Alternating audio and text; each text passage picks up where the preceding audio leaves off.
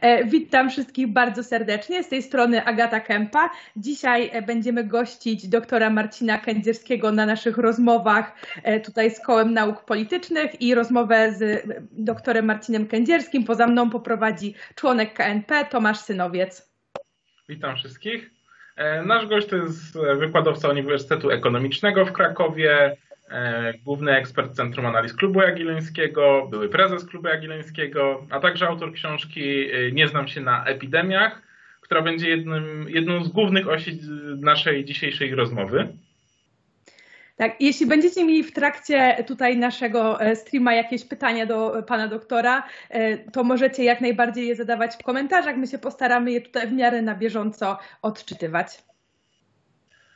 Na początek oczywiście pytanie od nas i tutaj chciałem Cię zapytać e, o historię tej książki, bo ci, którzy być może ją wyszukali, dowiedzieli się, że historia książki zaczyna się na Facebooku i w codziennych e, wpisach, w których komentujesz e, stan epidemii, ale nie od takiej strony medycznej, tylko od strony bardziej społeczno-politycznej, kulturalnej być może.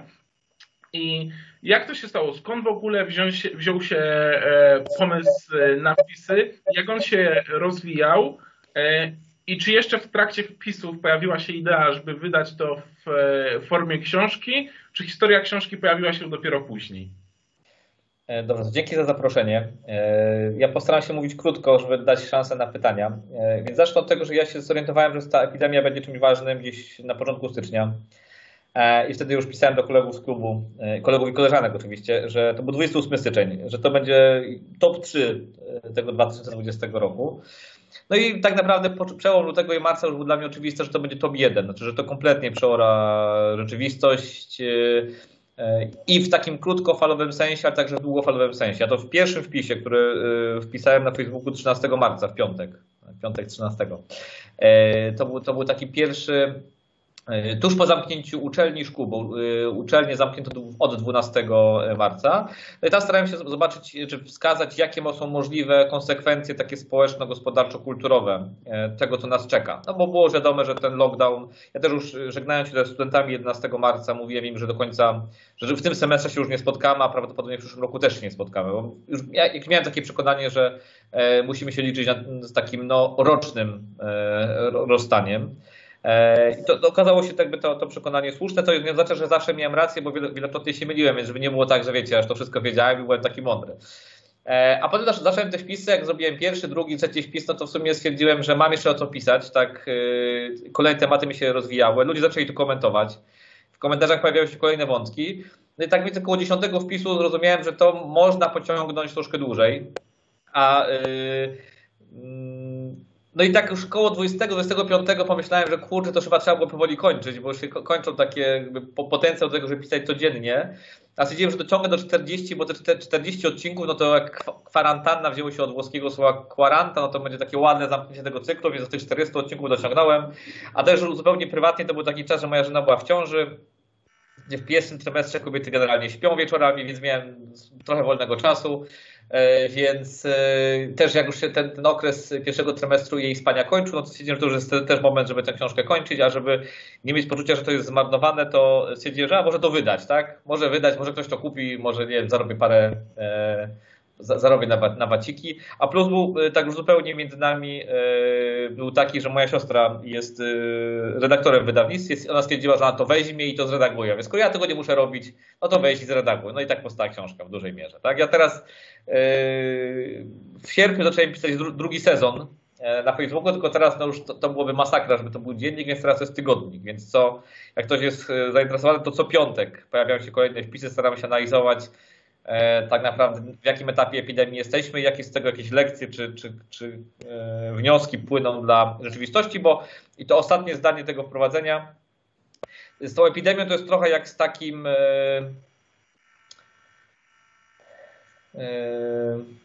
no, trudną sytuacją psychologiczną. No, jakby to jest tak, jak sobie radzimy ze śmiercią kogoś, i to nie jest moja myśl, tylko myśl kolegi z klubu jagiellońskiego Rafała Gawlikowskiego, że w pierwszym etapie po śmierci e, drugiej osoby, albo kiedy dozajemy jakiegoś szoku, mamy efekt, e, efekt szoku właśnie. No to ten szok był w marzec, kwiecień. Potem mamy efekt wyparcia, no i to jest między teraz. No są też te ruchy antyszczepionkowe, czyli że to nie jest problem. A potem jest trzeci etap, znaczy albo kontestacja, albo pogodzenie się z tą nową rzeczywistością. I stąd też ja ten drugi sezon nazwałem w poszukiwaniu nowej normalności, bo my musimy się nauczyć. E, pierwszy etap był szokiem, teraz etap poszukiwania nowej normalności. I teraz powoli będziemy kończyć drugą falę. Jak kogoś by to zainteresowało, to opowiem, dlaczego uważam, że właśnie kończymy drugą falę. Ale potem przyjdzie trzecia fala, i ta trzecia fala będzie już koniecznością tak naprawdę nauczenia się żyć w kompletnie nowej sytuacji. Więc jesteśmy w takim momencie przejściowym i stąd też zakładam, że jeszcze dwa miesiące pociągnę drugi sezon. W styczniu to wydam, a y, może koło, może koło lutego, kiedy zacznie się trzecia fala, zacznę trzeci sezon już taki poświęcony głównie szczepionce. E, ale to, to są takie plany na teraz. Myślę, że teraz przy tych e, szczytowych zachorowaniach nikt nie myśli o trzeciej fali i już wszyscy mamy na tyle dosyć, że nawet jakby mamy problem, żeby się odnaleźć jakby w tej nowej normalności, a co dopiero jeśli e, sobie uświadamiamy, że ta nowa normalność potrwa dłużej niż gdzieś do świąt Bożego Narodzenia. No tak, ale to yy, ja wiem, że my żyjemy dzisiaj liczbą 603, bo tyle zgonów dzisiaj odnotowano, ale trzeba pamiętać, że te zgony są raportowane w taki no, nie zupełnie systematyczny sposób, czyli dzisiaj w środę zawsze zgonów jest najwięcej, bo raportujemy zgony z weekendu. E, ale no, nie pokażę tutaj y, moich ogromnych tabel Excelowych, gdzie wpisuję codziennie te setki danych i przeliczam sobie różne rzeczy. E, natomiast e, gdybym, gdybym miał powiedzieć takie trzy najważniejsze informacje na dzisiaj, które dowodzą, że jesteśmy po szczycie e, tej de facto pierwszej fali epidemii, to podałbym tak naprawdę trzy liczby i muszę sobie te moje ogromne Excel otworzyć. Pierwsza to liczba to liczba osób hospitalizowanych i przyrost taki siedmiodniowy.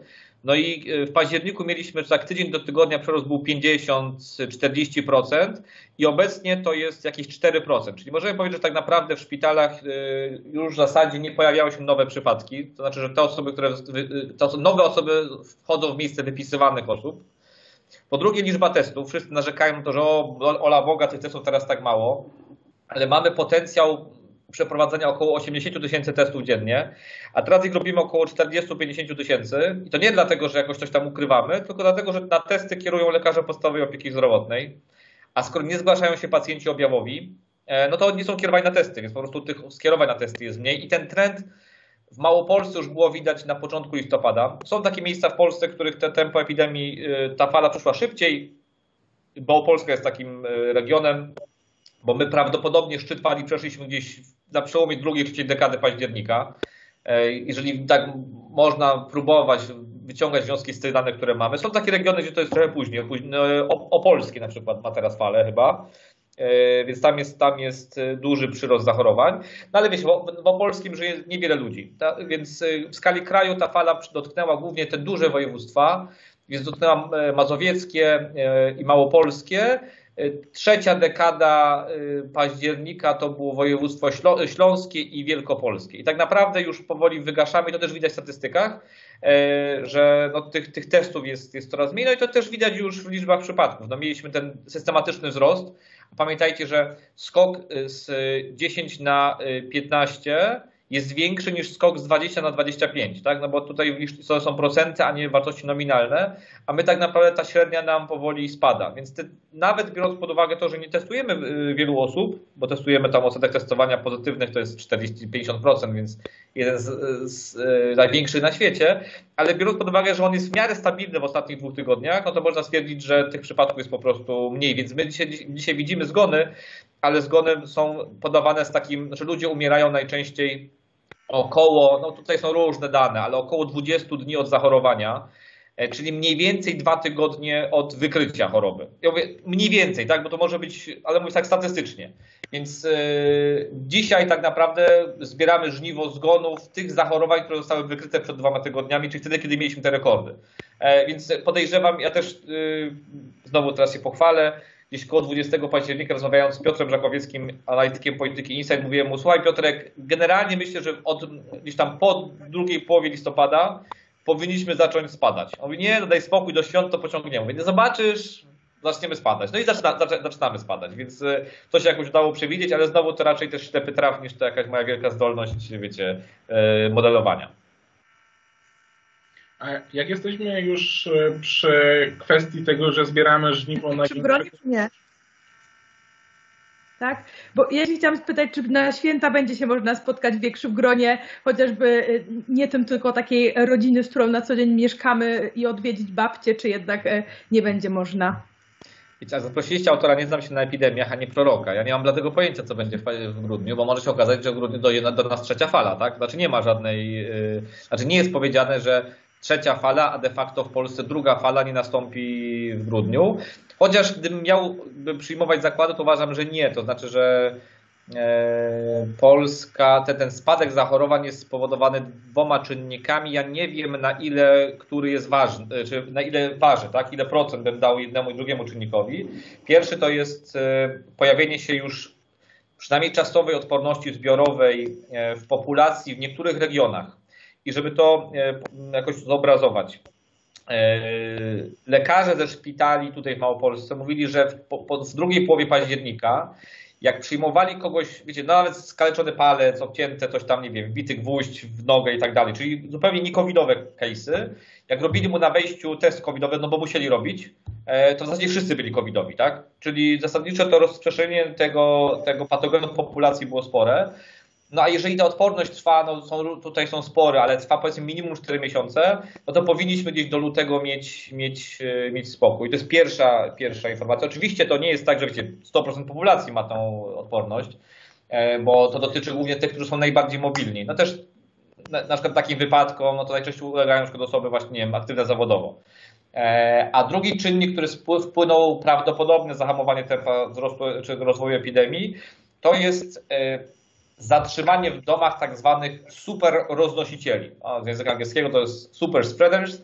I my często żyliśmy w debacie publicznej analizowaniem tak zwanego współczynnika R, czyli ile osób zarazi jedna osoba chora, ale już dzisiaj wiemy, że to R może się bardzo mocno różnić. Znaczy, że, że ten wirus jest specyficzny, no bo przy odrze, przy ospie, my tam mniej więcej wiemy, że, mhm. jeden chory zaraża 3, 4, 8, 10. Odra ma na przykład ten R10 na przykład, tak? Ale a to, to, to, to dziadostwo, ten patogen jest tak specyficzny, że tutaj nie da się wyznaczyć tego R w sposób sztywny, bo on zależy od bardzo wielu czynników. My nie do końca jeszcze rozumiemy od jakich, ale jednym z nich jest tak zwany współczynnik K. Współczynnik K to jest zdolność do zarażania. I są takie osoby, które mają bardzo niską zdolność do zarażania i nawet nie zarażą domu, swoich domowników, a są tacy, którzy zarażają bardzo wiele osób. No tutaj świetnym przykładem jest pacjentka numer 31 w Korei Południowej. Oni mieli taki świetny system do śledzenia przypadków, no i oni zbadali, że ta pacjentka numer 31, to była kobieta lat 60, około 60, ona zaraziła, słuchajcie, 5 tysięcy ludzi.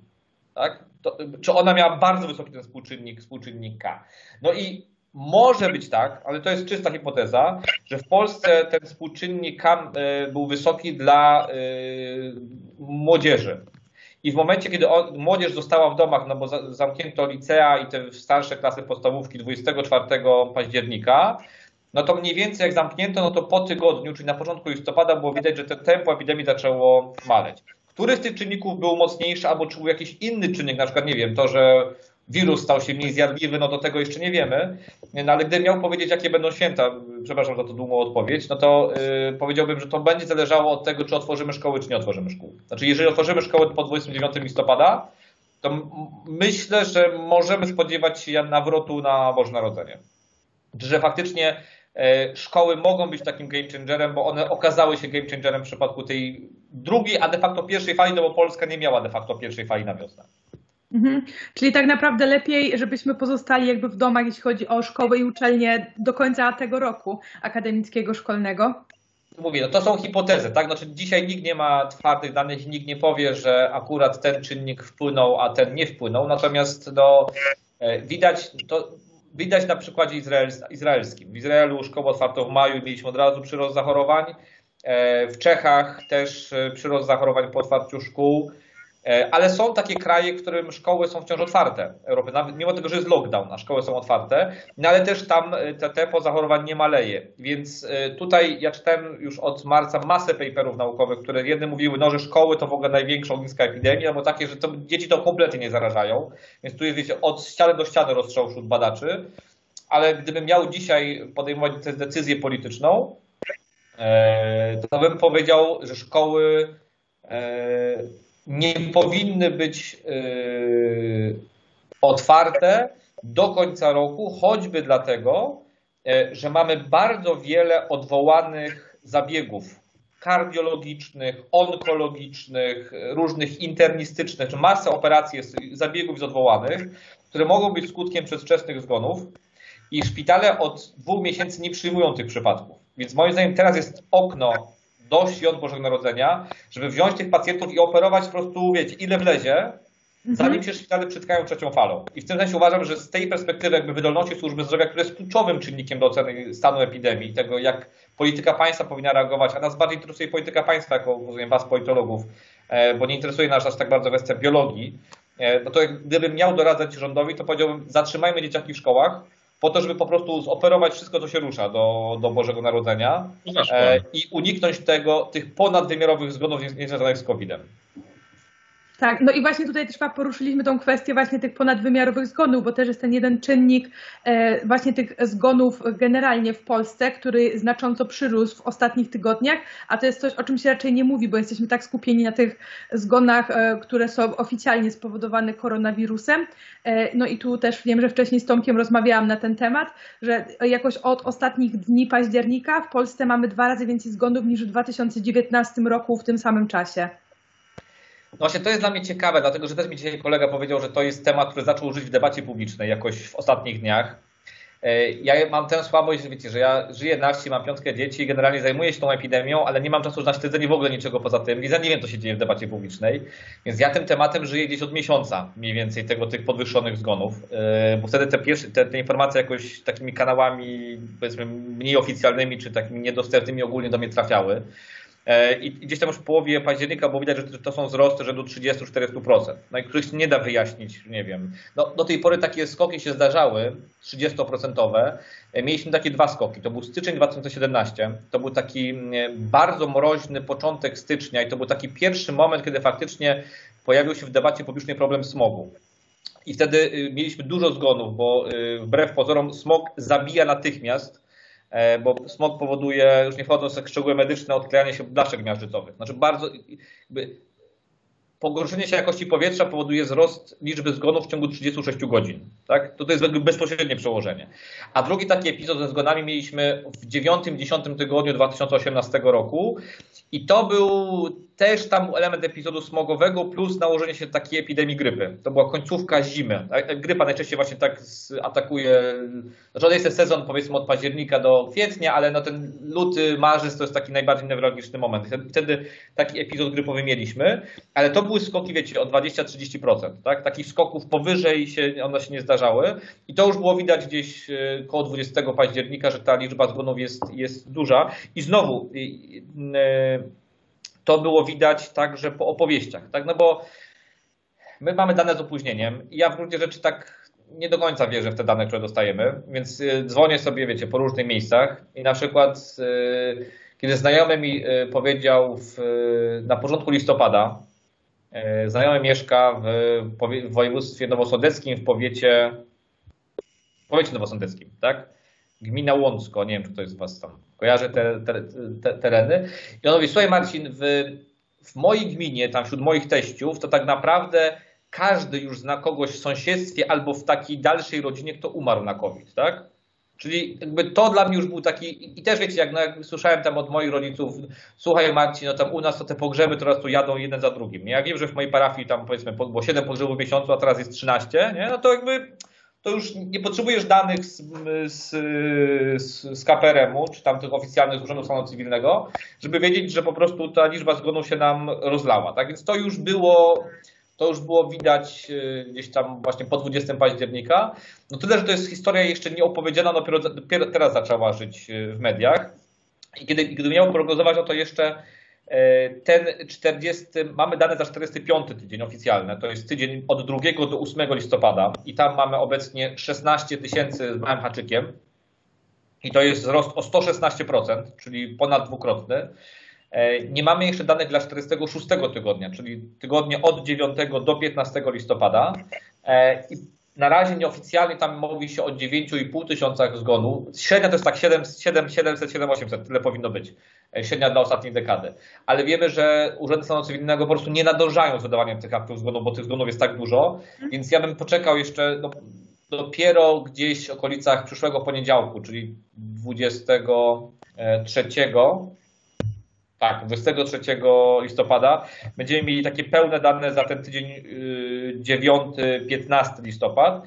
I podejrzewam, że tam także możemy być na poziomie jakichś 15-16 tysięcy, ale potem już zaczniemy, zaczniemy powoli spadać. Ale, i to jest ważne w sumie do takiej opowieści politycznej, y, zważywszy, że no, część tych zgonów ponadwymiarowych, a to będzie dla tego 45 tygodnia jakieś no jeżeli mamy 7700 normalnie, a teraz było 16 tysięcy, no to powiedzmy mamy dodatkowo 8300 zgonów.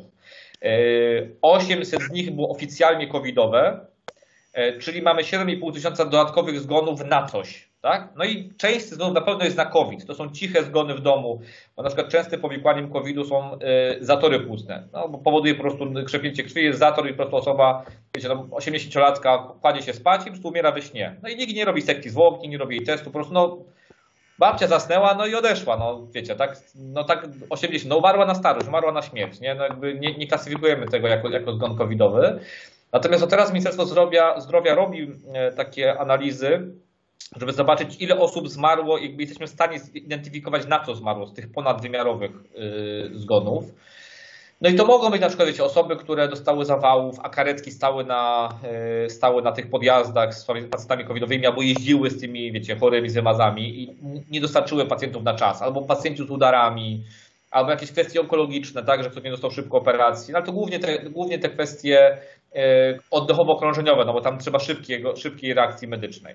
E, więc y, jeżeli to weźmiemy pod uwagę, e, no to tak naprawdę ze względu na błąd rządu, i o tym może pójdziemy dalej, tak? czyli, czyli zbyt późne wprowadzenie restrykcji, no, czy błąd, no decyzję rządu, tak? która spóźniła się jakieś dwa tygodnie, możemy powiedzieć, że mm, w Polsce umrze z powodu tej decyzji jakieś dodatkowo 25-30 tysięcy ludzi. Nie? No i teraz, czy to jest dużo? Nie?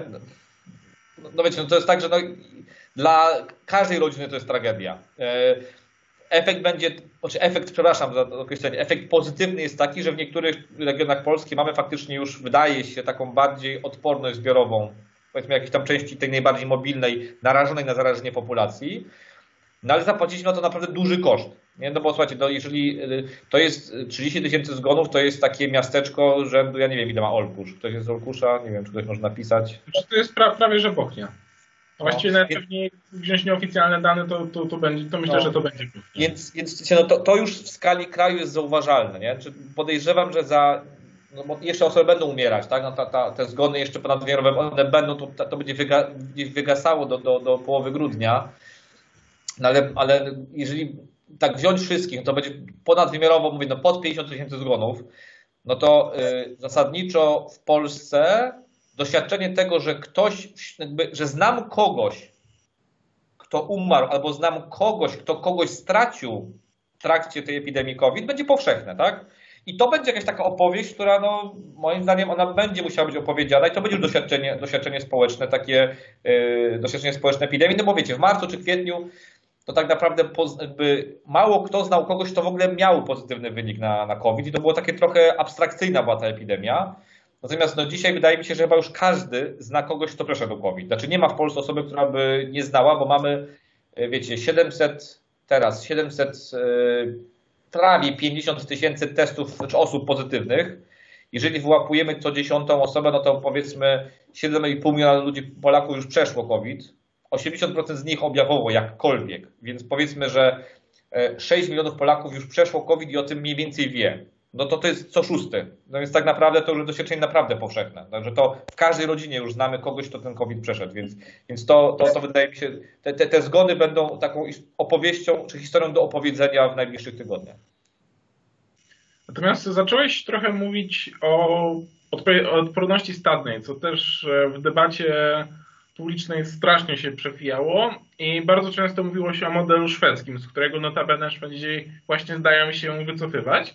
Natomiast e, mimo tego, że model szwedzki jest krytykowany, też widziałem u Ciebie krytyczne głosy na temat modelu szwedzkiego, e, jest krytykowany z bardzo różnych stron, no to część zwolenników tego modelu szwedzkiego wskazuje, że owszem, przy pierwszej fali Szwedzi mieli znaczący wzrost liczby zgonów względem tego, co jest e, normalnie.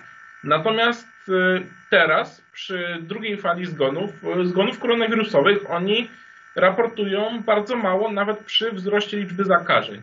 Czy to jest jakoś tłumaczone i czy orientujesz się, z czego wynika wycofanie się z tej polityki przez rząd szwedzki?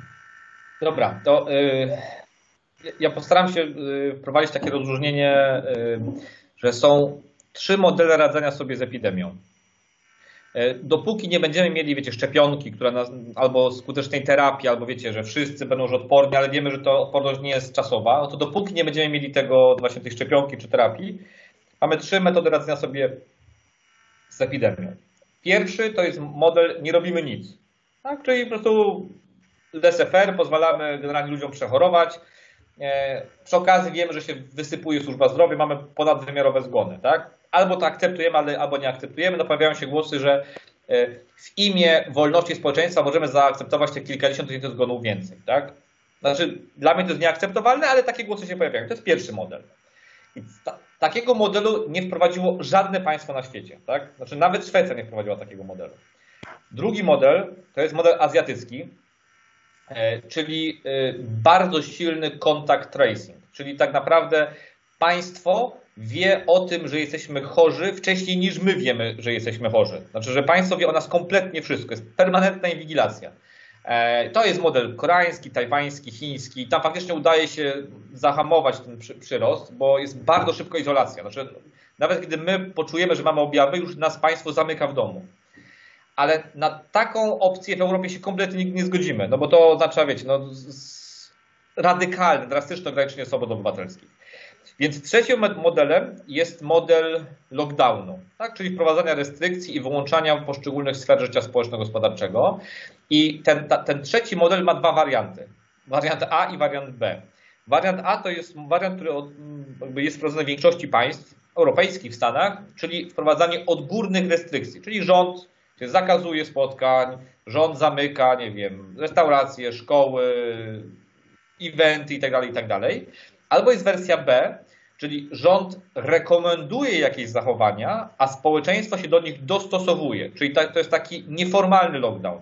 Jak sobie popatrzycie na e, dane dotyczące mobilności, no to mobilność e, Szwedów i mobilność Europejczyków spadła dokładnie tak samo, mimo tego, że we Szwecji nie było twardych lockdownów. Społeczeństwo jest takie powiedzenie, że rząd ufa Szwedom, a Szwedzi ufają rządowi. Czyli, że Szwedzi się dostosowywali do tych miękkich zaleceń rządu, ale też y, dlaczego dzisiaj jest mniej zgonów, to jest hipoteza, dlatego że w, y, dzisiaj Szwedzi mają wspomnienie jednak tego skoku zgonów na wiosnę i są bardziej, znacznie jeszcze bardziej zdyscyplinowani, żeby te obostrzenia y, jednak samodzielnie na siebie nakładać. No, poza tym są też regiony w Szwecji, które widząc, że to nie do końca działa, albo że ta oddolna E, taki oddolny lockdown nie zawsze się sprawdza, zaczynają wprowadzać twarde restrykcje. Więc e, model szwedzki nie jest inny od modelu europejskiego, on, albo tak radykalnie inny, on tylko się różni, i to i to jest lockdown, tylko że tam mamy lockdown, lockdown oddolny, a nie lockdown odgórny. To jest jakby jedyna różnica e, w, tych, w tym modelu szwedzkim i modelu powiedzmy polskim czy kontynentalnym. A czy w Polsce sprawdziłby się ten model szwedzki, taki oddolny, czy nie dalibyśmy rady jako Darut? Nie.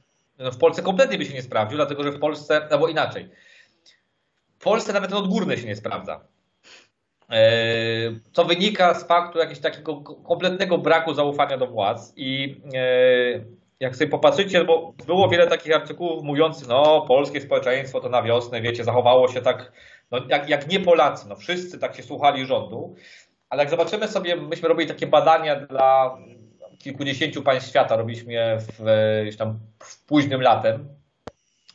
I zasadniczo z tych badań wyszło, że mm, ludzie raczej zamykają się w domach, znaczy, albo decydują się na to, żeby przestrzegać restrykcji, jeśli się boją. Znaczy, jeżeli boją się, że kogoś stracą, jeśli się boją, że sami zachorują. I w marcu akurat nałożył się fakt, że ludzie się faktycznie bali, no bo ludzie się w Polsce zaczęli naprawdę bać. To jak się pojawiły mm, jeszcze tam w pierwszym tygodniu marca, to były takie hi, hi haha, tak, ale 9-10 y, marzec, czyli tam dzień przed zamknięciem szkół, no to w mediach społecznościowych było takie już zamykać, lockdown teraz, bo będzie katastrofa, tam musimy wypłaszczyć krzywą, to taki najsłynniejszy wykres z tamtego czasu. Więc faktycznie było społeczne przerażenie, ale w momencie, jak gdzieś tam pod koniec marca, kwietnia, to zwłaszcza było widać już po, po Wielkanocy, jak ludzie zobaczyli, że zasadniczo to oni nie znają nikogo, kto jest chory i że to tylko widzą tego premiera, wiecie, w maskach i że tu w ogóle zaraz się wszystko zapadnie, a tu w zasadzie nic się nie dzieje, no to Polacy to w ogóle olewamy to, tak? Znaczy nie ma, nie ma potrzeby. Jakby radykalnie spadło przestrzeganie y, tych obostrzeń. Policja już w ogóle przestała wylepiać mandaty po, po Wielkanocy, no bo jakby skala łamania była tak duża, że nie było tutaj większego, większego sensu. To też widać po badaniach internetu. A akurat byśmy mieli badania zamówione y, takich nastrojów w mediach społecznościowych, i w zasadzie po Wielkanocy temat restrykcji kompletnie zniknął e, z, z internetu. Znaczy Polacy jakby, i potem było tak, że rząd przedstawił te ścieżki wychodzenia, tam były cztery etapy wychodzenia z restrykcji, ale potem w ogóle to skrócił do trzech, do trzech, e, trzech e, etapów. I mimo tego, że nawet przyspieszył to, to, to, to, to łagodzenie lockdownu, to nic się nie stało, tak? Więc mając doświadczenie, że poluzowaliśmy restrykcje, i nic nie stało, to Polacy pojechali na wakacje, tak? I w ogóle, znaczy y, wszystkie maseczki, dystanse społeczne to była rzecz fikcja. Jak byliście na wakacjach, to widzieliście, że to w ogóle nie, jakby nie było żadnego, żadnego skutku. Y, do czasu pojawienia się tej de facto pierwszej fali pod koniec, pod koniec września. Więc jakby, jeżeli mówimy o, o, o Polsce dzisiaj, no to y, rząd jednak podjął bardzo wiele decyzji, które podważyły zaufanie społeczne no na przykład takie, że mówił, że wygraliśmy z epidemią. No jak wygraliśmy, jak ludzie umierają, tak? E, że nie będzie drugiego lockdownu. No jak to nie będzie drugiego lockdownu, jak właśnie mi zamknęliście restaurację, tak?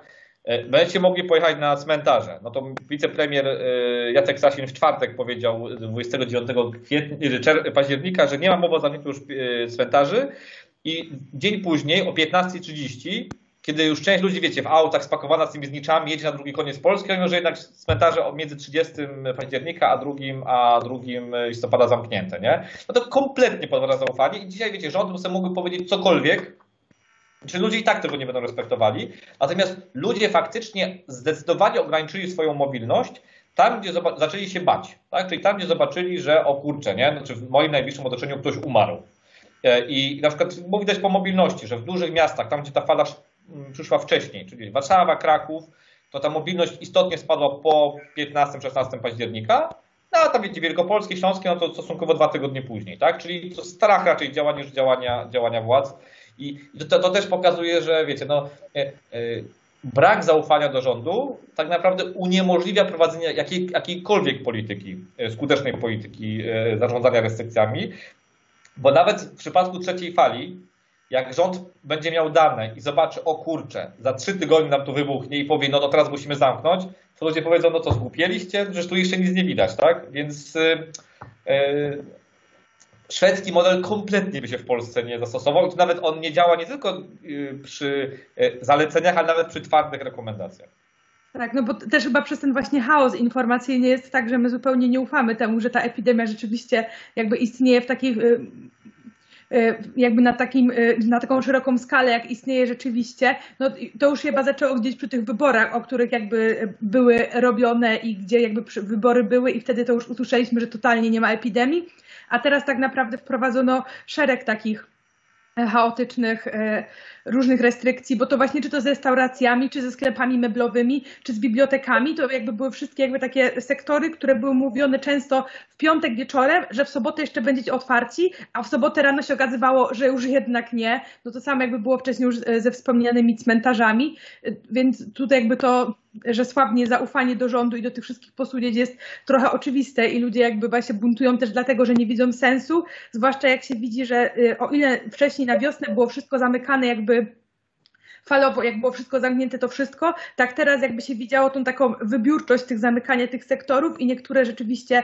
są zamknięte, a niektóre cały czas są otwarte, bo teraz na przykład mamy otwartych fryzjerów, otwarte kosmetyczki, ale zamknięte siłownie, baseny i restauracje, a cały czas... Nie, ale, słuchajcie, ale to, to, to samo sobie, przepraszam, przerwę, ale to samo sobie to nie jest bez sensu, tak? Znaczy wprowadzanie takich punktowych restrykcji, nie wszystkich, wiecie, jedną falą, tylko tak stopniowo, nie jest zupełnie bez sensu, no bo e, są jakby jest różne ryzyko transmisji wirusa, tak? Znaczy w, takim, u takiego fryzjera, kiedy to wszystko jest dezynfekowane, kiedy powietrzenie jest wietrzone, kiedy fryzjer jest w maseczce i klient jest w maseczce, no to ryzyko transmisji jest, słuchajcie, no naprawdę niewielkie, tak? Mhm. E, więc, e, no zresztą w gruncie rzeczy w restauracji też jest to, to ryzyko bardzo mocno ograniczone e, transmisji wirusa, więc e, my dzisiaj oczywiście nie mamy jeszcze takich jasnych badań, tylko właśnie problem jest taki, że to jest niespójne, no bo e, pierwsza restrykcja wprowadzona to było uczynienie całego kraju żółtą strefą, to było gdzieś od, mhm. weszło życie od 10, od 10 października, e, że trzeba nosić maseczki na świeżym powietrzu.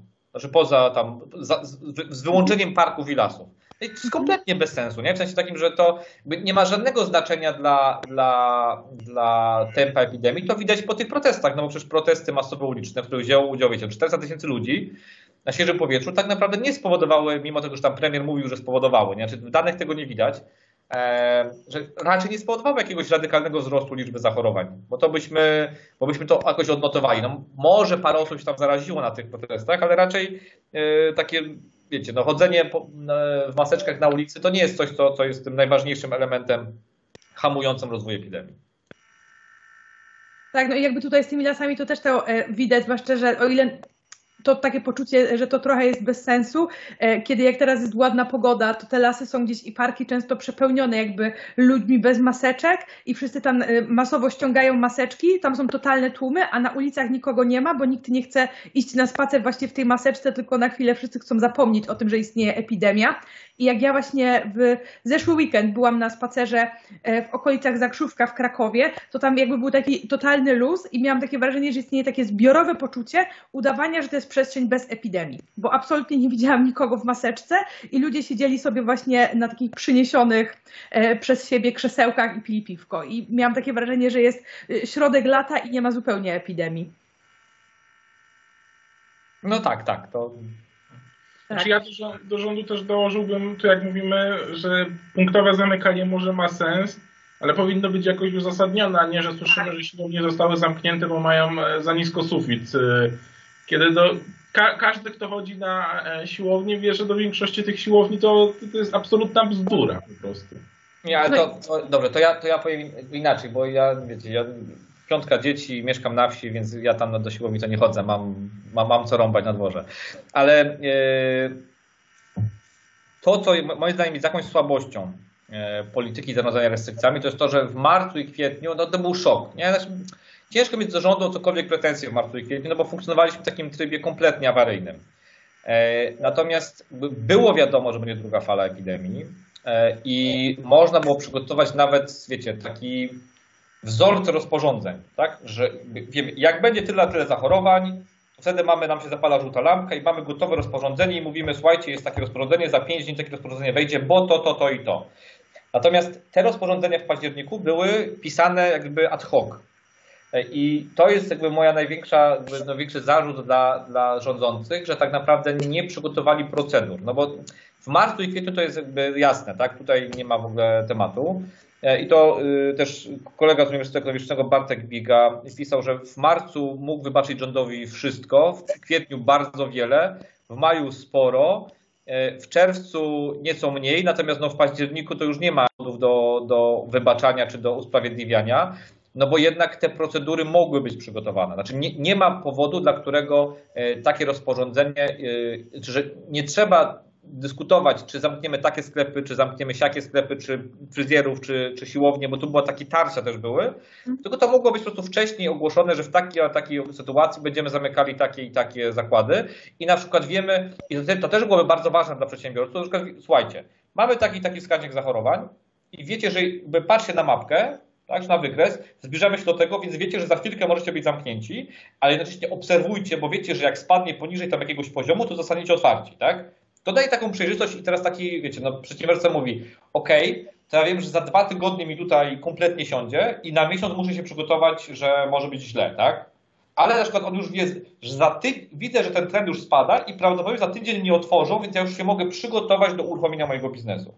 Natomiast dzisiaj, jakby się spytali restauratorów, y, no to kiedy oni się otworzą, to oni nie mają bladego pojęcia, tak? Więc y, zaskoczenie z prowadzeniem i też ta jakby mm, niepewność, bo to jest najgorsze, tak? Niepewność, kiedy w ogóle to zostanie przywrócone, to, to jest chyba coś, co jest najbardziej, jakby największym błędem rządu w tym okresie maj do września. Chociaż o tych błędach rządu to możemy sobie jeszcze pogadać, co, się wydarzyło między, między majem a wrześniem, bo mówię, ja rządu nie rozliczam z tego, co się stało powiedzmy w marcu, tak? bo marc był momentem szoku, e, czyli mogę rozliczać tam od, powiedzmy, od początku, od kwietnia. No. No i tak te wszystkie dane dotyczące jakby zaufania do polityków pokazują, że w marcu społeczeństwo było jednak zadowolone w większości z tych działań, a ja bym do tego, do tej niepewności dodała jeszcze to zupełne niezrozumienie, bo się pojawiają jakieś takie rzeczy, dlaczego na przykład w domach w tym momencie możemy się spotykać do 20 osób, na zewnątrz już tylko do 5, ale jakbyśmy się spotkali już e, w restauracji, na przykład e, spotkanie jakiekolwiek jest zakazane, więc tu jednak e, też jest ogromne niezrozumienie co do tych wszystkich restrykcji. Może bym przeczytała pytanie, bo się pojawiło kilka, od e, Marcina Kasperkowiaka. Panie doktorze, e, czy konieczność pogodzenia się z nową rzeczywistością to konieczność pogodzenia się z życiem w ciągle trwającej pandemii? Kiedy temat pandemii zniknie z top 3 problemów świata? No wydaje mi się, że to jest kwestia szczepionki. No, wiemy już, że ta szczepionka jest. Są trzy firmy, bo to jest AstraZeneca, to jest e, Pfizer, Pfizer i to jest Procter Gamble. Przepraszam. E, tam są, to tam są trzy, jakby trzy dawki, dwie dawki albo jedna dawka. One mają się już pojawić e, w styczniu i, nawet w Polsce już mamy zacząć szczepić tych e, osoby najbardziej narażone na, na zarażenie, tak, na ciężki przebieg, czyli, czyli seniorów, którzy jeszcze nie przeszli COVID-u. E, mamy szczepić już w pierwszym kwartale.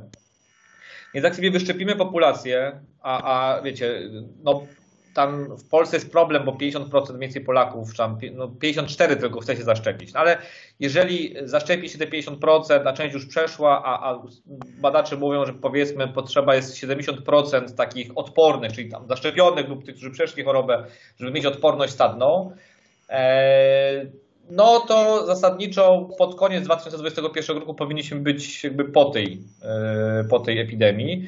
E, co, to oczywiście nie oznacza, że my wszyscy wrócimy do, do, tego, co było przed, nie? no bo wydaje mi się, no choćby z naszego poletka, no uczelnie nie będą już wyglądały tak samo. No bo jeżeli wiecie, no jak już zobaczyliśmy, że można część rzeczy robić online, no to nie sądzę, żebyśmy tak most, wrócili jeden do jednego do wykładów, tak jak one wyglądały przed marcem 2020 roku. Znaczy to ciężko mi jest sobie to wyobrazić, chociaż znając konserwatyzm do środowiska akademickiego, to w sumie jestem w stanie we wszystko uwierzyć, ale, ale wydaje mi się, że tutaj jakieś zmiany będą. No i to w ogóle się zmiany, jeśli chodzi o, o rynek pracy, o telemedycynę, no to rzeczywistość będzie już inna po covid e, no ale musimy się gdzieś tam, no wydaje mi się, że, że y, COVID będzie takim okresowym leitmotivem gdzieś do, do wakacji. To znaczy, faktycznie jak już wakacje będziemy mieli wyszczepionych y, tam no, część populacji, plus będzie ta odporność, która wynika z drugiej i z trzeciej fali, która prawdopodobnie przyjdzie jeszcze zanim pojawi się szczepionka, no to myślę, że tam gdzieś późną wiosną powinien być już, y, powinien być już spokój i ten temat powinien w ogóle, znaczy sam temat epidemii powinien zejść z pierwszych stron gazet, natomiast nie zejdzie kwestia skutków epidemii, tak? No bo te skutki i dla społeczeństwa, o tym możemy za chwilkę pogadać, bo też to, to dzieje się, nie wiem, protest kobiet w Polsce, to jest w jakiejś mierze skutek lockdownu, bo te protesty widzimy w różnych państwach, tylko są inne, wiecie, te, te triggery, tak, które to pociągają za spust, czy tam zapalniki, które to wy, wy, wy, powodują wybuch e, społeczny. E, to, to też będzie miało skutki gospodarcze, skutki handlowe, E, to już widać, e, że to, to, będzie miało skutki dla globalnego, dla globalnego handlu. No, część firm przenosi produkcję w bardzo szybkim tempie od wiosny e, z Chin czy z całej Azji Południowo-Wschodniej do Europy. Są decyzje Komisji Europejskiej, żeby budować strategiczną autonomię, na przykład w tym przemyśle farmaceutycznym. Więc jakby bardzo dużo zmian w ogóle wprowadzenie nowych podatków i tak dalej. Znaczy, mnóstwo zmian, które się pojawi i też trzeba pamiętać, że kwestia długu e, publicznego. No, ten ogromny dług, który zaciągnęliśmy, który musimy jeszcze zaciągać i państwa europejskie będą go zaciągały. e, jeszcze przynajmniej przez kilka miesięcy i później kwestia strategii wychodzenia z tego zadłużenia, to będzie coś, co nam zdeterminuje w ogóle politykę publiczną na najbliższą dekadę. Więc jakby będziemy z tym kryzysem żyli przez 10 lat, natomiast same śledzenie tych, wiecie, zachorowań, skutków, zgonów i tak dalej, no to myślę, że to jest perspektywa jeszcze pół roku. Tak, no i też myślę, że jakby takie bardziej dalekosiężne skutki, jeśli chodzi o te przeniesienie wielu rzeczy na zdalnie, to trochę tak jak z 11 września, gdzie teraz na lotniskach są dużo większe zaostrzenia niż przed 11 września, a o tym, jak jesteśmy na lotnisku, nie myślimy. To tak samo będzie e, z pracą zdalną, czy częściowo z uczelnią zdalną na pewno. Tak, no to, to, to będzie taka nowa normalność. To znaczy, że właśnie w gruncie rzeczy bardzo niewiele rzeczy się zmieni. E, ja lubię używać takiego porównania, że świat będzie taki sam, tylko że bardziej, tak? Y, czyli pewne procesy, które się już działy, będą teraz przyspieszone, no bo przecież proces, nie wiem, e, przechodzenia edukacji y, do sfery online już był, nie? tylko on przyspieszy. E, proces y, hamowania globalizacji widzieliśmy już w drugiej dekadzie XXI wieku. Znaczy tak naprawdę po kryzysie 2008 roku tam mieliśmy wzrost mhm. wolumenu światowego handlu. On od 2008 roku w zasadzie się stabilizuje, czyli jakby już nie rośnie a globalny handel to jest ten główny nośnik globalizacji. Jak patrzymy sobie skąd się globalizacja wzięła, to ona podążała za globalnym handlem.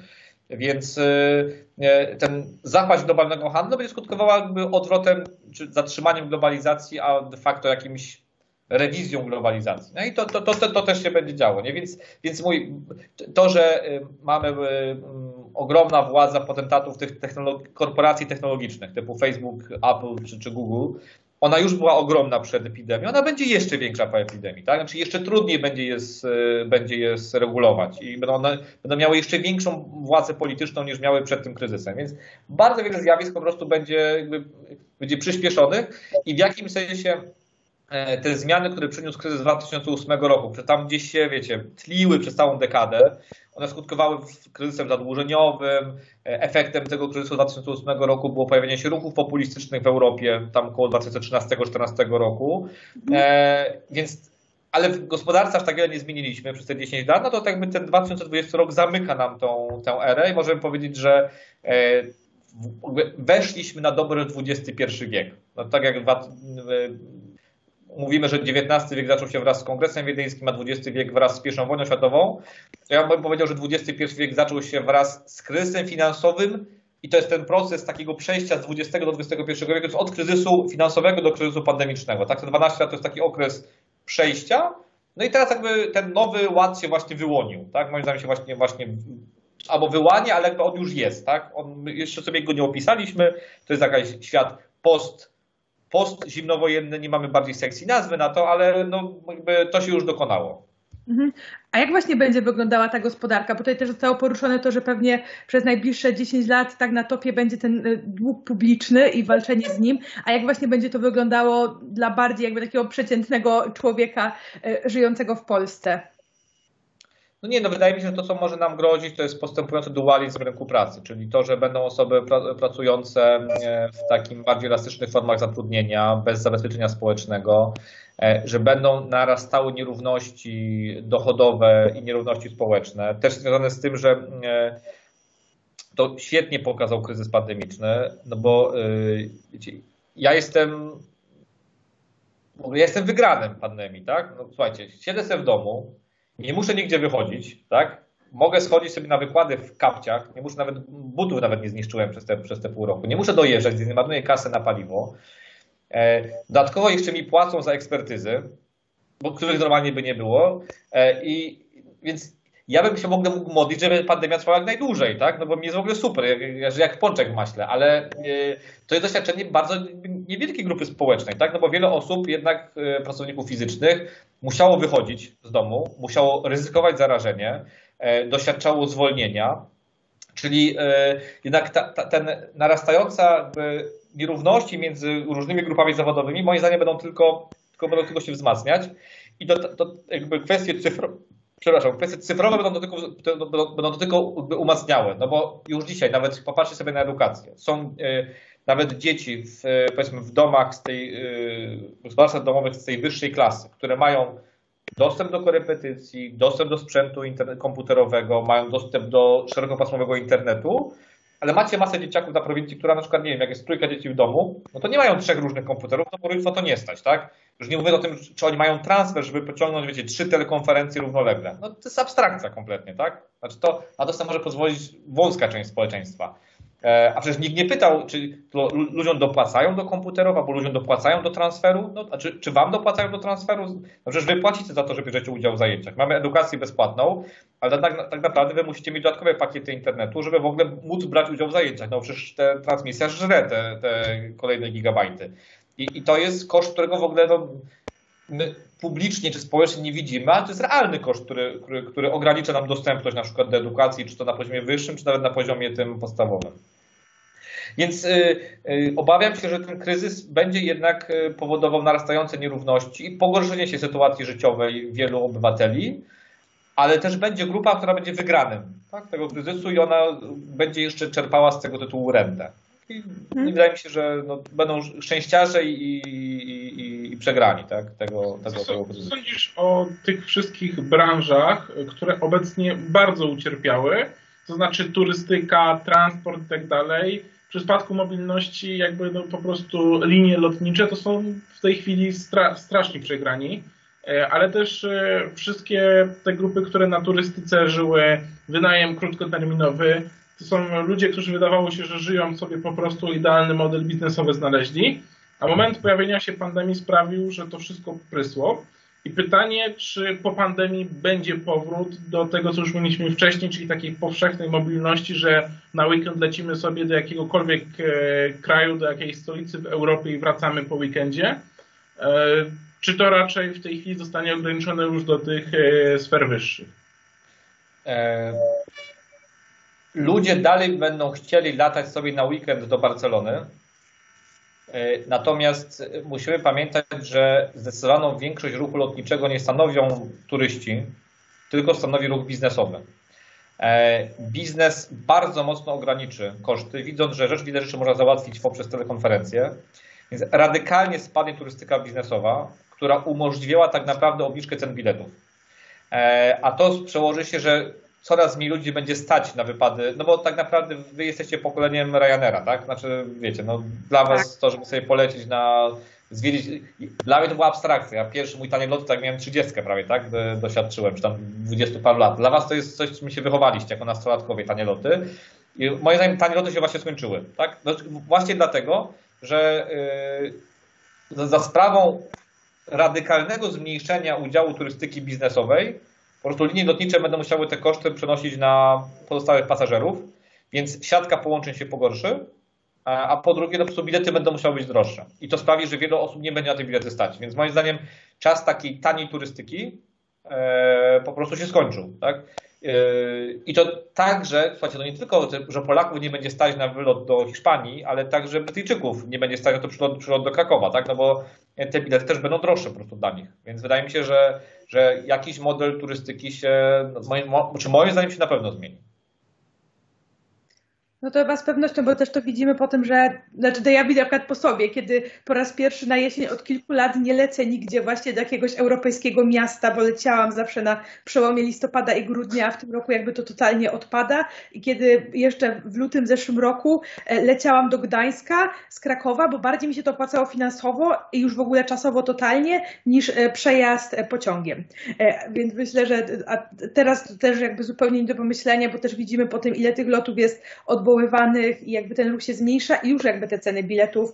E, czasami są te korzystne oferty, żeby gdzieś przyciągnąć, ale się e, jednak też myślę już powoli teraz kończą.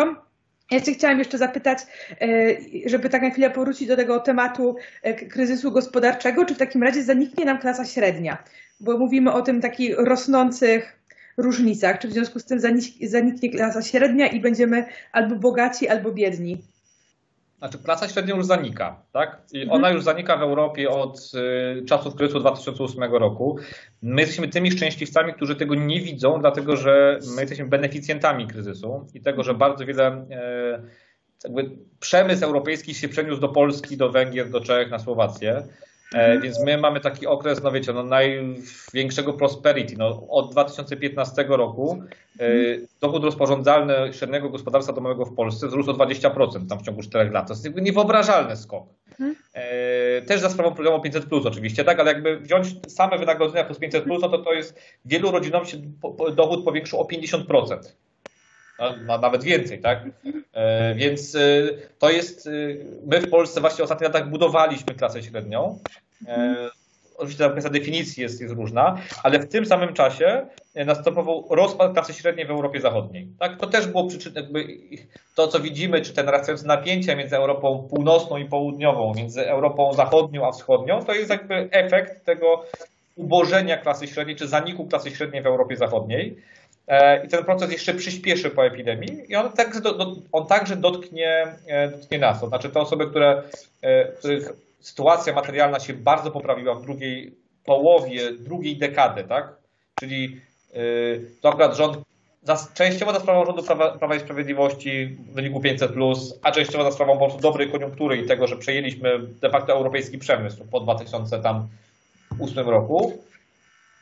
E, to także sytuacja wielu polskich gospodarstw domowych zacznie się relatywnie pogarszać po 2020 roku. Tak? Czyli ten okres tego belepok, który przeżywaliśmy w drugiej dekadzie XXI wieku, mimo tego, że na świecie wszystko płonęło, tak? myśmy tu w ogóle żyli jak u Pana Boga za piecem, no czas się właśnie skończył. Tak? I wasze pokolenie dotknie, to doświadczy tego niezwykle brutalnie, przepraszam za ten, ale, ale doświadczy tego niezwykle brutalnie, bo Moje pokolenie, ja, ja kończyłem studia w 2008 roku i wchodziłem na rynek pracy w możliwie najgorszym momencie. E, I wiem, że osoby urodzone kilka lat przede mną wchodziły na rynek pracy w znacznie lepszym, tak, nie wiem, w latach 2004-2005, czyli w tym boomie poakcesyjnym. E, to też miało wpływ na rynek nieruchomości. E, natomiast to jeszcze było łagodzone tym, że jakoś sobie poradziliśmy, bo przyjęliśmy europejski przemysł. Wy już tego handicapu mieć nie będziecie, więc dla bardzo wielu z Was yy, no ten okres Belepok się właśnie kończy. To będzie, będzie źródłem frustracji. Ja mam wrażenie, że te protesty, które przelały się przez polskie ulice, e, formalnie przeciwko decyzji wyroku Trybunału Konstytucyjnego i przeciwko Kościołowi katolickiemu, bo to były te dwa naj, takie najsilniejsze, to co się przejawiało na transparentach. Tak sobie słuchałem, e, Kamil ten osiem gwiazdek manifest, nie pamiętam się zwał ten autor. Taki piosenka hip-hopowa, wiecie, ja się nie bardzo ogarniam tę twórczość młodego pokolenia, jako klasyczny dziaders, ale, ale y, to pokazało takie doświadczenie, że jakby ci dwudziestolatkowie mają poczucie, że są straconym pokoleniem, tak? Że to gdzieś się już pojawia i w jakimś sensie wy będziecie straconym, y, straconym pokoleniem, no bo duża część z was, nie mówię, że konkretnie tych osób, które są z nami teraz na spotkaniu, ale jakby z waszego pokolenia, E, no będzie miała, e, nie będzie miała dużo lepiej niż pokolenie ich rodziców. I to jest doświadczenie, które miała młodzież zachodnia europejska jakieś 10 lat temu. Tak? Znaczy do nas to doszło po 10 latach i jakby ten kryzys to moim zdaniem przypieczętuje. Tak. Jeśli chodzi o te protesty, to Piotr Trudnowski właśnie mówił w tym swoim filmiku komentującym te protesty, że to nie były tylko protesty przeciwko e, strajkom, ale przede wszystkim jako takie niezadowolenie młodych przeciwko temu, co właśnie się teraz dzieje i co tutaj nas jako te pokolenie e, spotyka. E, I jeszcze jakby chciałam się dowiedzieć, czy w takim razie opłaca się pracować w państwówce w jakikolwiek sposób, bo to też jakby jest ten sektor, który nie ucierpiał, bo to są ludzie, którzy nie zostali zwolnieni i tak naprawdę się nie bali o swoją pracę chyba jako jedyni e, w trakcie koronawirusa, w przeciwieństwie do tych przedsiębiorców. Czy właśnie wcześniej nam mówiono, że warto jakby ryzykować, być przedsiębiorczym i próbować, a teraz się okazuje, że jednak lepiej jest zostać nauczycielką, lekarzem albo iść pracować do urzędu?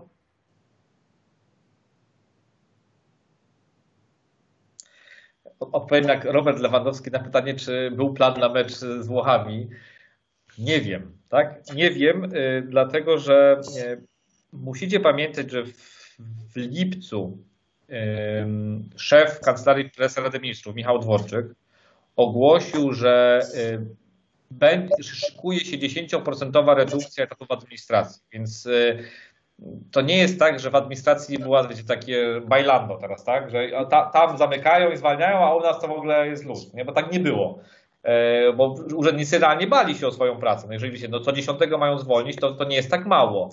Ja ostatecznie wydaje mi się, że rząd do tego nie, nie zaczął zwalniać, no bo zaczęła się druga fala i tak naprawdę były inne sprawy na tapecie. Na tapecie. Natomiast to jednak no i haj, to, to, to, to, to, to trzeba jeszcze pamiętać, to jest narastająca niekonkurencyjność jednak pracy w administracji publicznej. Mhm. No bo płace w budżetówce w zasadzie od 2015 roku były zamrożone, a w tym czasie płace w sektorze prywatnym wzrosły o te 30-40%, więc mhm. tak jak jeszcze w 2015 ktoś mógł powiedzieć, dobra, to pójdę do firmy albo nie, pójdę do urzędu, zarobię 20% mniej, ale będę miał stabilność zatrudnienia. No to dzisiaj to nie jest 20% mniej, tylko to jest 50% mniej, brak jakichś, wiecie, benefitów socjalnych i tak dalej, więc znaczy to będzie zachęta oczywiście ta kwestia stabilności zatrudnienia, ale nie jest powiedziane, że stabilność jest pewna. Tak? Znaczy, bo w dzisiejszej mhm. sytuacji może być tak, że w wielu miejscach będzie redukcja zatrudnienia, Także z tego powodu, że po prostu coraz więcej sfer państwa będzie informatyzowanych. Tak? I najbardziej banalny przykład to są e, bramki na autostradach, które za niedługo znikną. Tak? No już mamy projekt e, nowej ustawy o, o, o ruchu drogowym, czy tam o poborze opłat e, drogowych, która sprawi, że no, bram, bramki znikną. Czyli to nie jest wiele osób, które pracuje na bramkach, nie? ale to jest jakby taki symboliczny przykład, że wiele stanowisk po prostu będzie znikało za sprawą informatyzacji, no bo państwo będzie musiało e, się bardzo szybko scyfryzować, dlatego że te, te trendy cyfryzacyjne przyspieszą. Tym bardziej, że wiecie, no, e, jeszcze rok temu, jak ja dzwoniłem do mojego urzędu gminy, da się załatwić? Nie, musi pan przyjechać. Nie, nie może pan zdalnie, musi pan przyjechać. Nie da się przez ePUAP. Tak teraz tak naprawdę w zasadzie no, ja nie byłem w urzędzie od marca, załatwiłem sporo spraw i albo nawet jeśli chodzi o telemedycynę, tak? No widać, że dało się załatwić E, załatwić zdalnie. No, jeżeli, no wiecie, no już teraz nikt mi nie wmówi, że pewnych procedur administracyjnych nie da się załatwić zdalnie. Tak. Albo nie da się załatwić w sposób automatyzowany. No, ale przecież się dało, to dlaczego miałby się nie dać, tak? Więc y, to może wpłynąć na redukcję zatrudnienia w administracji, ale to oczywiście potrwa, no nie, nie, to nie będzie tak miesiąc, nie? Ale, ale myślę, że to jest perspektywa dekady, że jednak administracja też się bardzo mocno zmieni. Znaczy ja w kwestii administracji gminy to powiedziałbym, że nawet e, na początku pandemii zaszła taka zmiana, że pojawiły się głosy, nie da się stacjonarnie, e, to zdalnie trzeba zrobić. tylko, tylko w formie internetowej, cyfrowej można to zrobić. E, I kilka takich sytuacji miałem. Natomiast e, powiedziałeś też przy okazji tych protestów o tym, że to wybuchły też protesty jakby formalnie skierowane przeciwko decyzji i przeciwko Kościołowi.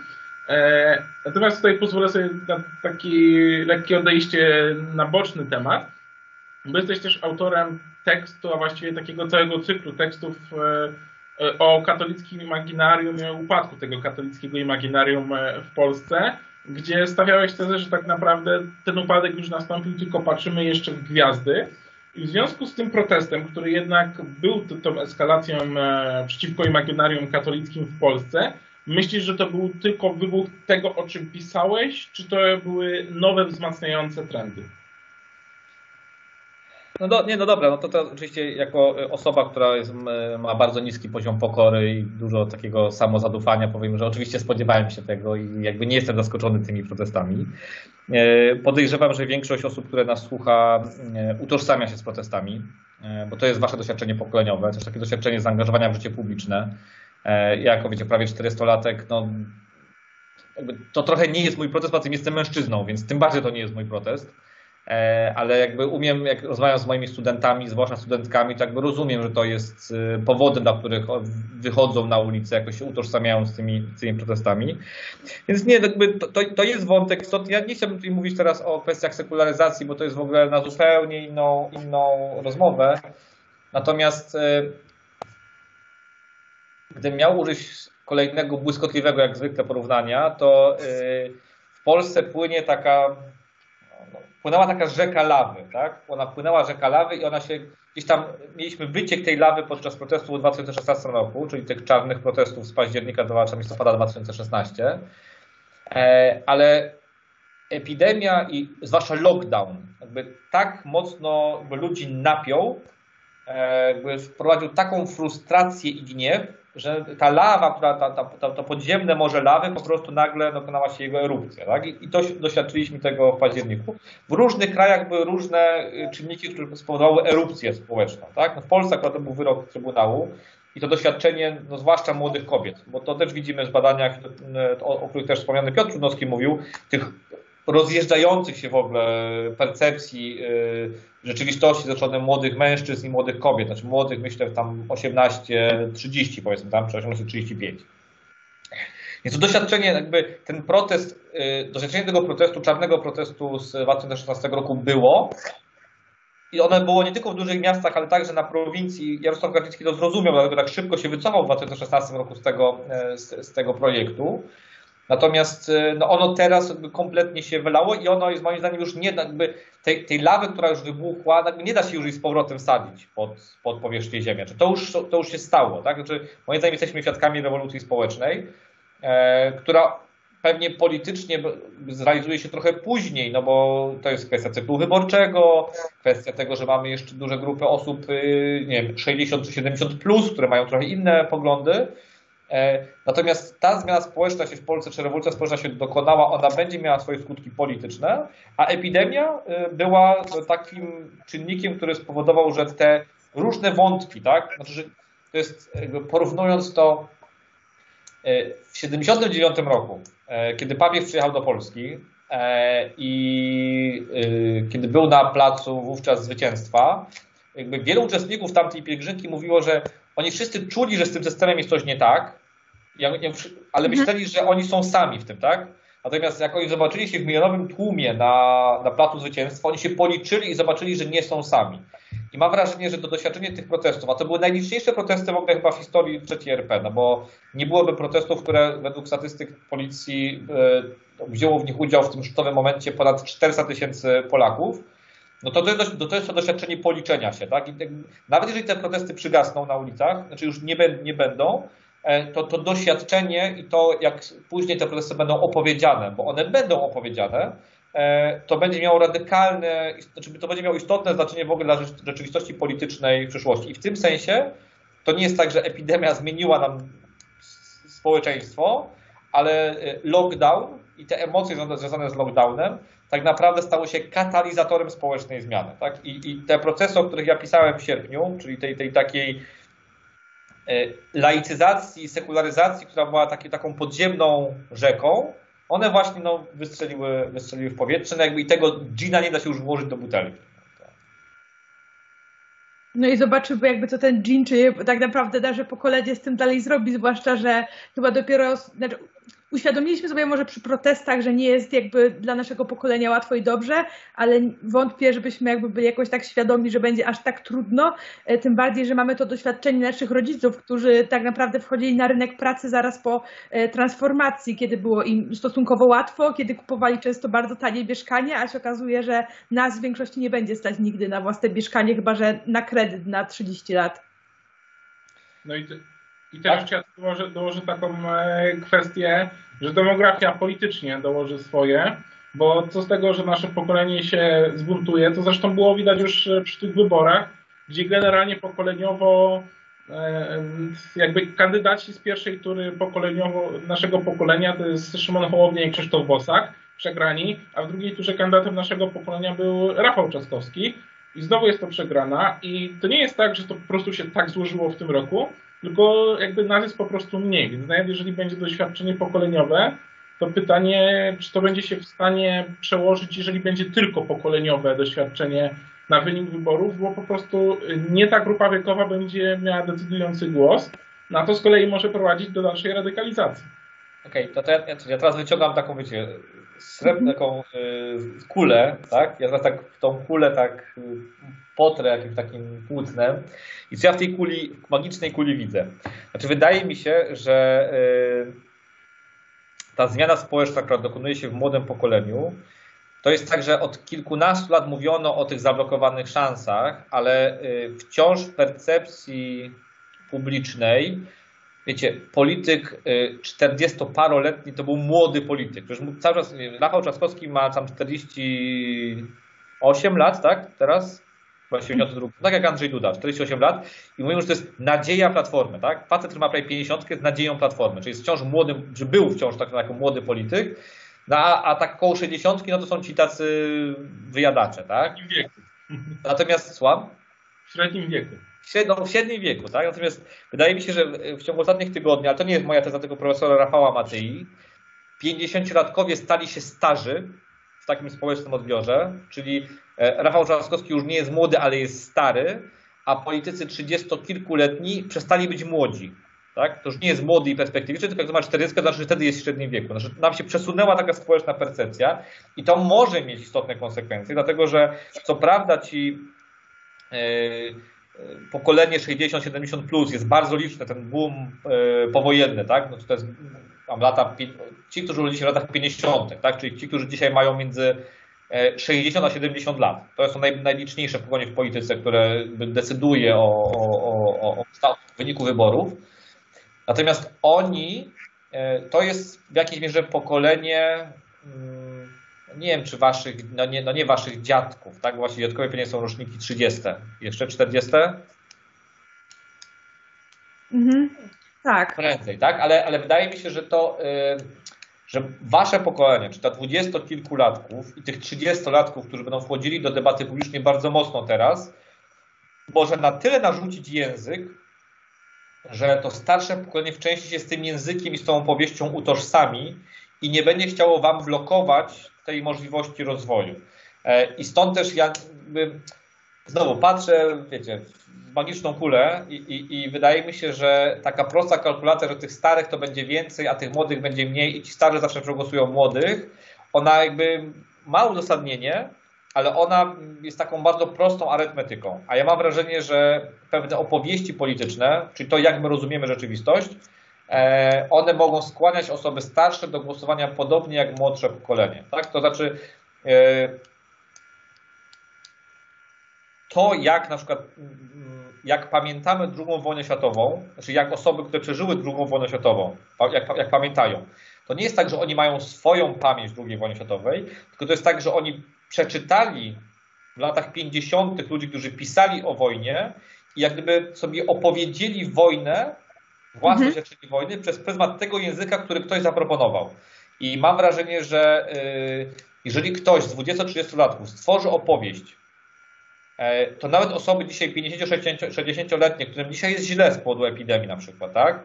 ale które nie mają języka, którym to mogą opisać, jeżeli znajdą język adekwatny do opisu ich doświadczenia, to za 10 lat te osoby, nawet 50-60-letnie, mogą się odnaleźć w tej opowieści, opowieści ludzi młodszych.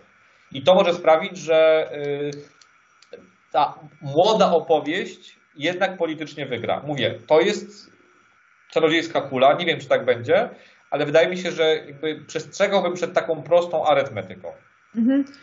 Czyli w takim razie jako młode pokolenie mamy jeszcze mieć nadzieję na naszą reprezentację polityczną bardziej w naszym wieku, a nie 50-letnich staruszków w pokroju Rafała Trzaskowskiego i Andrzeja Dudy.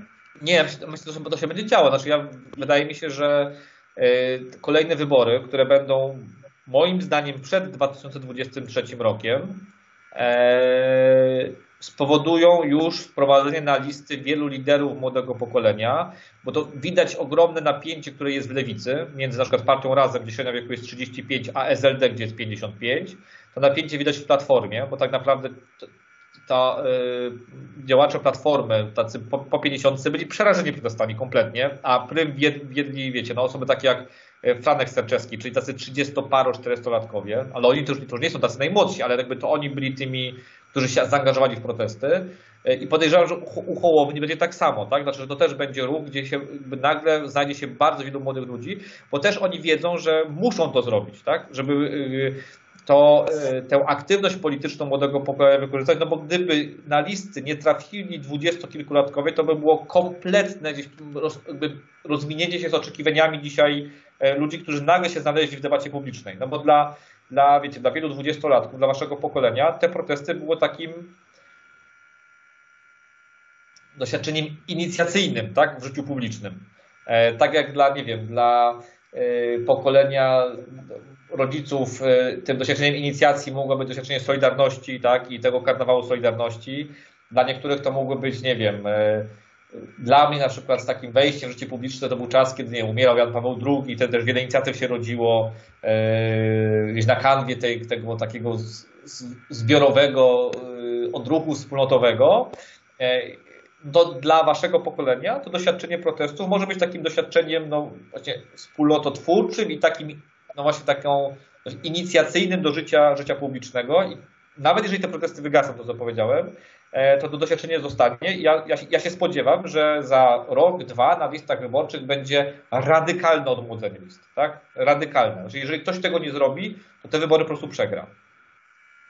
I to co będzie ogromny problem Prawa i Sprawiedliwości, tak? które, e, słuchajcie, no nawet to, to świetnie było widać, że e, e, przeciwko wyrokowi Trybunału Konstytucyjnego, znaczy za wyrokiem była, był na przykład Andrzej Rzepliński, stara Platforma i PiS, a przeciw wyrokowi było młode pokolenie Platformy i młodzi politycy Solidarnej Polski. Tak? To pokazało jakby jaką ogromną siłę e, pokoleniową ma ten protest, że te podziały przebiegają już kompletnie w innych miejscach niż przebiegały jeszcze trzy miesiące wcześniej.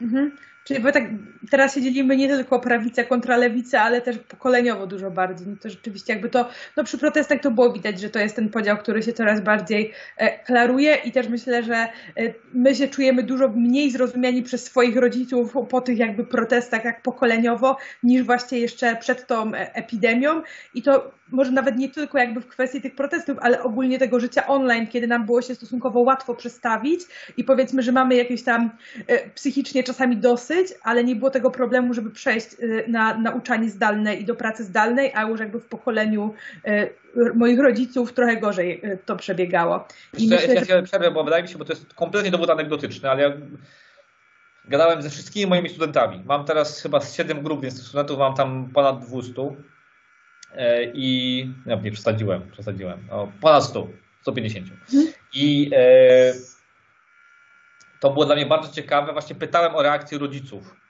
moich studentów, czyli jakby no to wa pokolenia waszych rodziców. Eee, jaka jest akceptacja wśród rodziców dla tych protestów? Mówimy tak, że dziadkowie kompletnie tego nie kumają, eee, dlaczego ci młodzi ludzie wychodzą na ulicę. Nazywam tak, że ojcowie nie rozumieją, a matki rozumieją, tak? Znaczy, że kobiety te około pięćdziesiątki, one wspierają swoje córki w tych protestach, tak? I wydaje mi się, że to też jest bardzo, ciekawa, bardzo ciekawe zjawisko i to też mi pokazuje, że nawet te kobiety 50+, plus, czyli, bo wasze mamy pewnie są gdzieś tam koło 50 albo nieco po 50, one mogą być otwarte na postulaty tego nowego pokolenia w polityce. To, i, stąd też uważam, że właśnie ta, ta prosta arytmetyka, taka pokoleniowa, ona może nie, może nie zadziałać. Ale mówię, to jest czysto anegdotyczne doświadczenie, bo może być tak, że po prostu te moje grupy studenckie są kompletnie wyjątkowe i w populacji nie jest tak, że te mamy akceptują, a, ta, a ojcowie nie akceptują.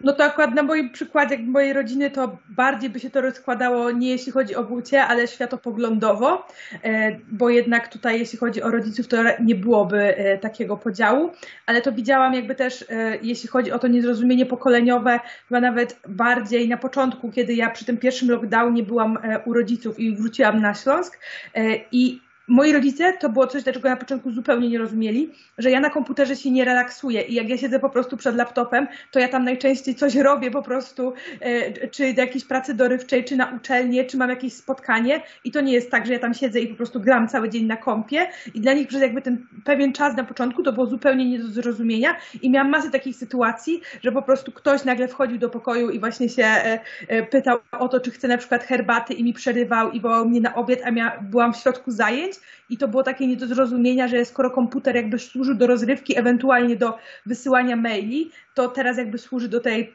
pracy i do nauki. No. Tak, chociaż myślę, że teraz. Ja, to... ja, ja, ja, jeszcze, ja, ja już jestem dziadersem, ale jeszcze nie mam dzieci w wieku szkolnym takim, wiecie, więc mhm. Więc je, jeszcze, a poza tym no, sam pracuję przez internet, przez internet więc y, mam trochę, ja nie, nie jestem, ja jestem już dziadersem, ale jeszcze nie, nie jestem jeszcze pokolenie 50+. Plus. Znaczy mentalnie już jestem, ale jeszcze trochę ogarniam. Dziaders, ale cyfrowy. Dziaders, ale cyfrowy. Dziaders cyfrowy tak. jestem, tak. tak.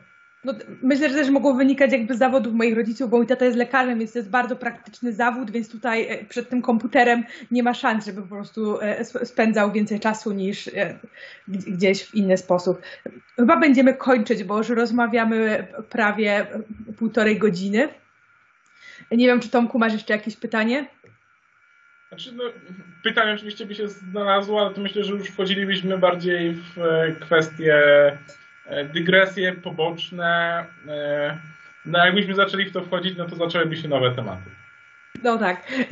W takim razie bardzo dziękujemy Marcinowi Kędzierskiemu, że się zgodził tutaj e, u nas wystąpić i z nami porozmawiać. I też dziękujemy wszystkim, którzy nas e, oglądali i ja słuchali. dziękuję Wam, słuchajcie, że w ogóle tym, którzy byli, że chciało się Wam, mimo tego, że macie już te wykłady, to jeszcze słuchać jeszcze kolejne półtorej godziny. To naprawdę jest przejaw jakiegoś masochizmu z Waszej strony, więc tym bardziej, tym bardziej podziwiam i dziękuję. I jeśli będziecie mieli jakieś uwagi, to oczywiście nam napiszcie i możecie też dawać znać, z kim byście się chcieli spotkać następnym razem. Zapraszamy i dziękujemy. Dzięki.